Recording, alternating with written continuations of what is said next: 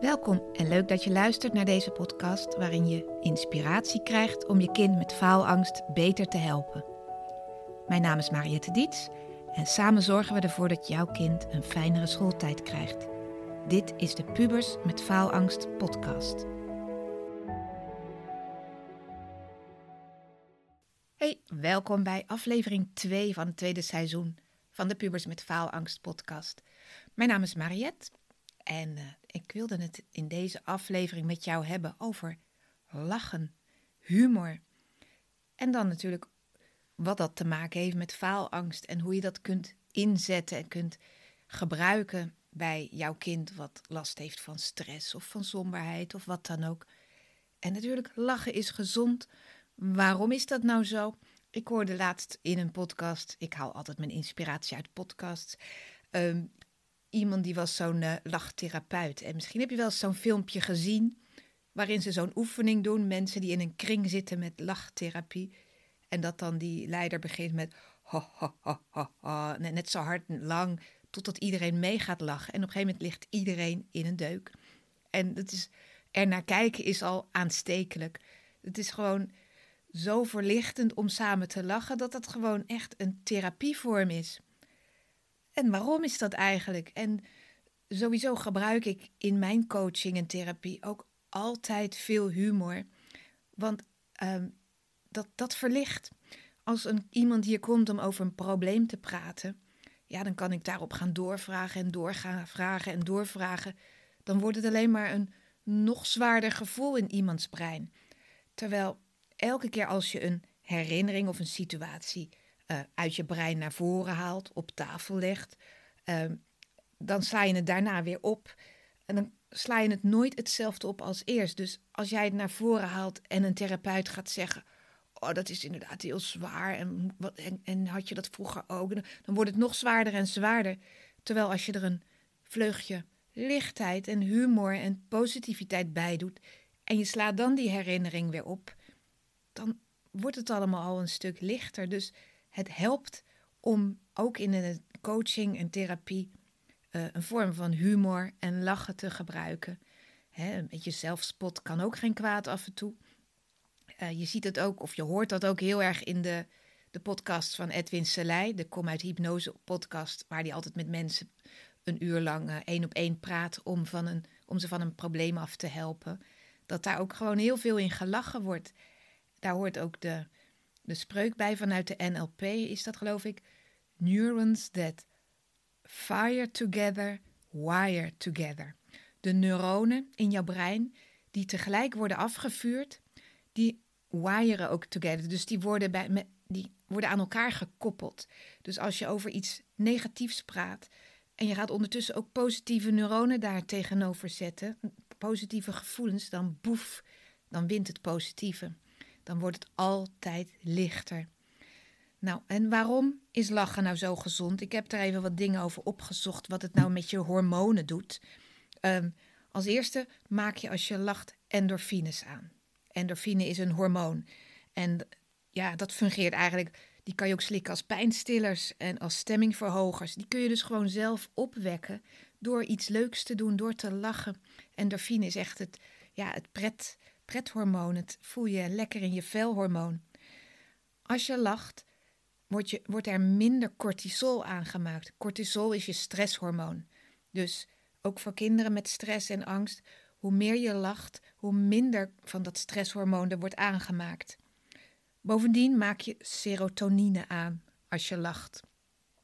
En serotonine wordt geassocieerd met een goed humeur, met uh, emotioneel welzijn, dus serotonine en wat ik net zei, endorfine. Dat zijn echt ja, de hormonen die goed helpen tegen angst en depressie. en dus ook het verminderen van faalangst. Nou, wat er nog meer gebeurt als je lacht, is je gaat anders ademen. Het is niet meer dat die, ja, die paniekaanval hoge adem. Als je echt vanuit je buik gaat lachen, dan hoort daar een andere ademhaling bij. En elke verandering in je ademhaling zorgt voor een verandering in je staat, in hoe je je voelt. En dus ook een verandering van je angst, die wordt kleiner. Daarnaast zorgt lachen gewoon voor een positievere mindset. Als jij wat meer lacht, dan zie je ook wat meer de positieve dingen van het leven in, van alles in. Dan is er ook minder plek voor negatieve gedachten, negatieve emoties. Dus het is gewoon positief. En tenslotte, een logische uh, voordeel van lachen is het zorgt voor sociale verbinding. Zeker als je samen met iemand lacht. Als jij even zo'n lachmomentje met je kind hebt, of misschien herken je het wel met collega's of met je partner. Samen lachen, dat geeft een gevoel van verbinding. Als ik dan kijk naar de jeugd van tegenwoordig en wij zelf ook de hele dag op ons beeldscherm. Waarom kijken we de hele dag naar TikTok? Die kinderen dan, wij misschien naar Facebook, uh, Insta. Vaak zoeken we ook wel dingen om, op waar we om moeten lachen. Misschien is het zo verkeerd nog niet. Wat ik verkeerd vind is als een kind de hele dag jankfilmpjes op TikTok gaat kijken van depressieve leeftijdgenoten. Want die zijn er ook. En als je daar eenmaal in zit, gaat het algoritme je daar weer heel veel van voorschotelen. Dus die ontwikkeling vind ik niet zo fijn. Maar als jouw kind gewoon moet lachen. Hè, gisteren kwam onze zoon ook weer met. Weet ik veel hele rare TikTok naar me toe van mam moet je kijken. En ik snapte echt niet wat hij daar leuk aan vond. Een of andere vent die in het centrum van Hoofddorp met zijn mond en neus een magnetron in de lucht kan houden. En als iemand dan appt tuinstoel, dan gaat hij een tuinstoel in de lucht houden ik was op dat moment niet zo heel erg van, huh, dat is grappig. Maar hij vond het geweldig. Hij ging het daarna nog aan zijn zus laten zien. Dat is wel de kracht van social media. Dat je blij wordt van iets wat je ziet. Dat je iets grappig vindt. Vroeger weet ik nog dat mijn broertje op de bank beneden keihard moest lachen om André van Duin. Nou, dat was ook niet mijn humor, maar gewoon die ontspanning dat je hardop ergens om moet lachen. Wanneer heb je dat nou zelf voor het laatst gehad? Ik moet zelf ook wel hard nadenken hoor, want ik ben meer iemand van, van zo'n stil uh, grinnikje. Maar ik zoek wel de humor op. Ik luister graag naar mensen om wie ik moet lachen, want het geeft mij een fijn gevoel. Nou, kijk even naar je puber. Het schooljaar is begonnen. Is school nou erg om te lachen? Soms hebben ze sociaal gedoe. Is ook niet erg om te lachen. Dus kijk hoe jij thuis in het gezin ook wat meer humor erin kan brengen. Soms nemen we onszelf ook heel erg serieus als ouders. Van ja, ik vind gewoon dat je me moet respecteren. En ik ben toch niet de huissloof en uh, ik doe altijd alles. Hè, daar kan je zo helemaal in. Uh, nou, dat is ook niet echt grappig. Maar dan kan je daarna wel weer zeggen. Ik was weer lekker op dreef, hè, toen ik zo uh, doorging met, met mijn klaagzang. Gewoon een beetje zelfspot. Dat is al zo verlichtend voor jezelf en voor je kind als je dat voorbeeld geeft van ja, ik schoot weer lekker uit de bocht hè, toen ik zo tegen je uitviel. Want dat gebeurt. En dat is helemaal prima om daar samen om te lachen. Ehm, wat kan je nou zelf doen? Hoe kan je nou lachen inzetten om je faalangst te verminderen? Nou, ik had nog wat tips opgeschreven, dus ik pak even mijn papiertje erbij. Gebruik humor als copingmechanisme. Uh, dus als je stress hebt, probeer dan een gevoel van humor te behouden. Um, lach om jezelf. Um, probeer ergens de humor van in te zien. Ik weet nog vroeger op vakantie, als we verkeerd reden of we kwamen in een file, dan voelde ik vanaf de achterbank hoe stressvol mijn moeder dat vond. Die wilde gewoon doorrijden, die wilde geen vertraging, die is gewoon altijd lekker snel met alles. Um, het helpt om een beetje rampbestendig te zijn, om te lachen om dingen die misgaan toen wij laatst uh, op vakantie waren deze zomer, echt hadden we al vijf uur of zes uur in de auto gezeten in Noorwegen. En tien minuten voor onze camping was de weg afgesloten. Want er was een een of andere steenrots op de weg gevallen en er moest iemand uit Oslo ingevlogen worden om te analyseren of er nog meer rotsen konden omvallen. Op zich wel fijn dat dat onderzocht werd, maar er stonden allemaal mensen ja, stil in een file, onwetend wat te doen en de omweg was drieënhalf uur. Dus wij moesten toen beslissen: gaan we wachten tot deze weg weer open gaat, of gaan we drieënhalf uur omrijden? En we zijn gaan omrijden en we hebben genoten van het uitzicht en er het beste van gemaakt. Dat zijn copingmechanismes. Hoe ga je om met deze K-situatie? We hadden om zes uur op de camping willen zijn en dat werd uiteindelijk negen uur. Maar goed, dat uh, is ook vakantie, dat dingen soms uh, tegenvallen en dat je er weer wat van moet maken. Ook huisjes die tegen kunnen vallen. Ik weet niet hoe jij dan reageert, maar dat is altijd even slikken. En op een gegeven moment wendt het wel weer, of je gaat klagen, of uh, het wordt wel weer opgelost. Dus tip 1 is gebruik humor als copingmechanisme. Kijk hoe je dat zelf doet in huis. En kijk hoe je dat je kind kan leren. Te laat komen omdat je het lokaal niet kon vinden. Dat soort dingen. Lach erom met elkaar. Tweede tip. Omgeef je met mensen met wie je kan lachen. Dus zoek mensen op uh, met wie je plezier hebt. Met wie je, uh, ja, om, weet je, sommige van die tienermeiden die kunnen echt om een knipoog al lachen met elkaar. Ze hoeven elkaar maar al aan te kijken en ze barsten alweer in lachen uit. Dat is wat ze nodig hebben. Dat is wat de geest verlicht, zeg maar. Dus daar moeten ze lekker veel mee facetimen, mee uh, dom kletsen, mee lachen samen. Zoek gezelschap, want dan voel, je dan steun en verbinding. Um, derde tip: ontwikkel een gezonde kijk op fouten. We maken allemaal fouten.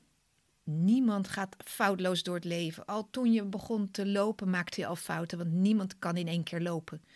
Ook ja, alles wat je geleerd hebt sinds baby, alles gaat met fouten maken. en dan kunnen we wel bang zijn om fouten te maken, maar ja, je leert het niet zonder fouten te maken. Dus hou daar een gezonde kijk op. Help je kind ook terugdenken aan alle dingen die je kind al geleerd heeft en die misschien fout gingen. Um, laat foto's zien van toen dat hele gezicht onder het Olvarit potje of het door jou vers gepureerde potje heen zat. Of misschien was je zo, uh, wat wij ook deden van de Rapley-methode, dat ze alles zelf in hun mond mochten stoppen. Ja, dat zat onder dat gezicht. Dat zijn leuke foto's om aan je kind te laten zien. Van, kijk eens, toen kon je nog niet zonder knoeien iets in je mond stoppen. Heb je inmiddels ook geleerd. Even kijken hoor, er gaat iets mis met mijn camera. Even kijken of ik hem weer in beeld krijg. Sorry voor de onderbreking. Ja, daar ben ik weer. Dus, ik had drie tips genoemd en de vierde noem ik zo. De eerste was gebruik humor als copingmechanisme. Zorg dat je rampbestendig bent. Zorg dat je kind dat ook wordt. Geef het goede voorbeeld. De tweede, omgeef je met mensen met wie je kan lachen. En dat mag voor mij ook social media zijn. Zoek kanalen op waar je om moet lachen. Uh, de derde, Ontwikkel een gezonde kijk op fouten. Ook hierin geef je kind daarbij voorbeelden. Vertel s'avonds bij het eten gewoon dat je zo'n domme fout had gemaakt op je werk. Dat alles misging. En misschien zelfs dat je baas even boos wordt, maar dat het daarna weer allemaal opgelost was. Of dat je ervan geleerd hebt dat je het voortaan niet zus of zo gaat aanpakken. vertel gewoon dingen dat het zo normaal is om fouten te maken. In het verkeer, overal. En daarna herstellen we ze of we leren ervan. En de vierde en laatste tip, ja, lach-yoga of lachmeditatie. Ga eens filmpjes opzoeken op YouTube op, de, op het woordje lach-yoga of lachmeditatie. En ga het gewoon eens samen met je kind doen. Het zijn echt de leukste oefeningen. De oefening die ik laatst hoorde, die ga ik nu doen. Uh, zonder gêne, terwijl ik ook mezelf film. Die zeiden ze in die podcast. En dat was James Hazelik van het boek Love Gnosis. Dat is een man die doet hypnosis en lachen en die noemde het Love Gnosis. En um, de oefening die hij met groepen doet is ook iets met bilaterale stimulatie. Dat is uh, dat je aan twee kanten je lichaam stimuleert. Je tapt op je dijbenen, links en rechts, dus tok, tik, tik, tik, tik. Terwijl je een lachgeluid maakt. Ha, ha, ha, ha, ha. Dan verplaats je je handen naar je buik en dan ga je lachen als de kerstman. Ho, ho, ho, ho, En dan ga je naar je borst. Ja, ik ben hier in mijn eentje, maar ik hoorde het mensen op die andere podcast doen. En ja, ik moest zo lachen toen ik er naar luisterde. Ik liep op straat en iedereen ging weer lachen toen ze mij zagen. Dus ho, ho, ho, op je buik. Dan ga je naar borsthoogte, ga je lachen en tappen. En wat was dat? Uh, hi, hi, hi, hi, hi. En dan ga je naar de zijkant van je gezicht. Zo gemeen lach je. En de laatste was... Uh, lekker overdreven, handen in de lucht. Woe! Nog ergens in de lucht lachen. Dit moet je natuurlijk met z'n tweeën doen. Als je nu in je eentje naar deze podcast luistert, ja, een hm, beetje ongemakkelijk, maar goed. Um, doe dit samen met je kind. Ga het opzoeken. Ga leuke, grappige interventies opzoeken. Want neurons that fire together, wire together. Dus als jouw kind in de stress zit, doe iets niet, ga niet over de grens van je kind van kom ik ga je nu kietelen, want dat is een dat werkt niet, maar probeer er wel wat meer lichtheid in te brengen. En kijk ook eens naar jezelf. Hoe zwaar neem jij alles wat er gebeurt? Hè? En van de week sprak ik ook een moeder die zei: Ja, op zich, uh, mijn man bemoeit me niet altijd met de school van onze zoon, want hij trekt het allemaal niet. Maar opeens kwam die naast me zitten van, hoe moet dat met uh, al die toetsen dit jaar of zo. Opeens kan het je gewoon aanvliegen en dan denk je opeens, we doen het niet goed als ouders. En dan wordt het, nou, als je dan je kind op het matje roept en een gesprek aangaat, ja, dan escaleert het helemaal. Want dan ga je ook nog eens je eigen spanning op dat kind projecteren. En dat kind, nou ja, of het gaat helemaal niks meer doen of het raakt ook gestrest. Dus blijf met een afstandje, met wat zelfspot ook naar jezelf kijken van...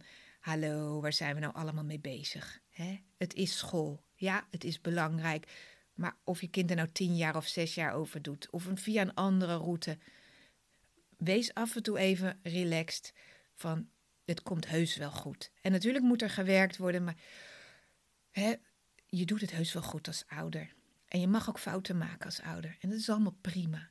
Breng wat meer humor in het gezin. Ik had volgens mij nog andere tips voor humor in het gezin. Ehm, kijk naar grappige films samen. Wees zelf gewoon een, rolmodel wat veel lacht. Ehm, zorg voor een speelse sfeer in huis. Lach gewoon om meer dingen.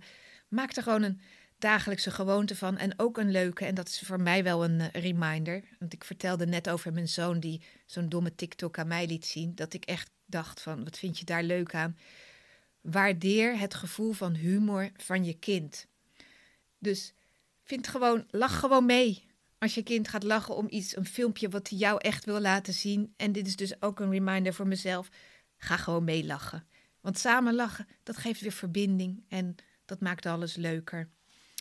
Dus het devies voor vandaag. Lach meer. En ik heb ook nog een mooi gedicht om mee af te sluiten. Is wel in het Engels. En dat is mijn middelbare school Engels. Um, hij is bekend, maar er is geen Nederlandse vertaling van, voor zover ik weet. Het heet Smile. En het is van, van Spike Milligan. En het heet Smiling is infectious. Dus lachen is besmettelijk. Nou, luister naar mijn Engels. Uh, misschien kan ik een link naar het gedichtje onderaan uh, in de show notes zetten. Hij is gewoon leuk om uit te printen en op te hangen. Smiling is infectious. You can catch it like the flu.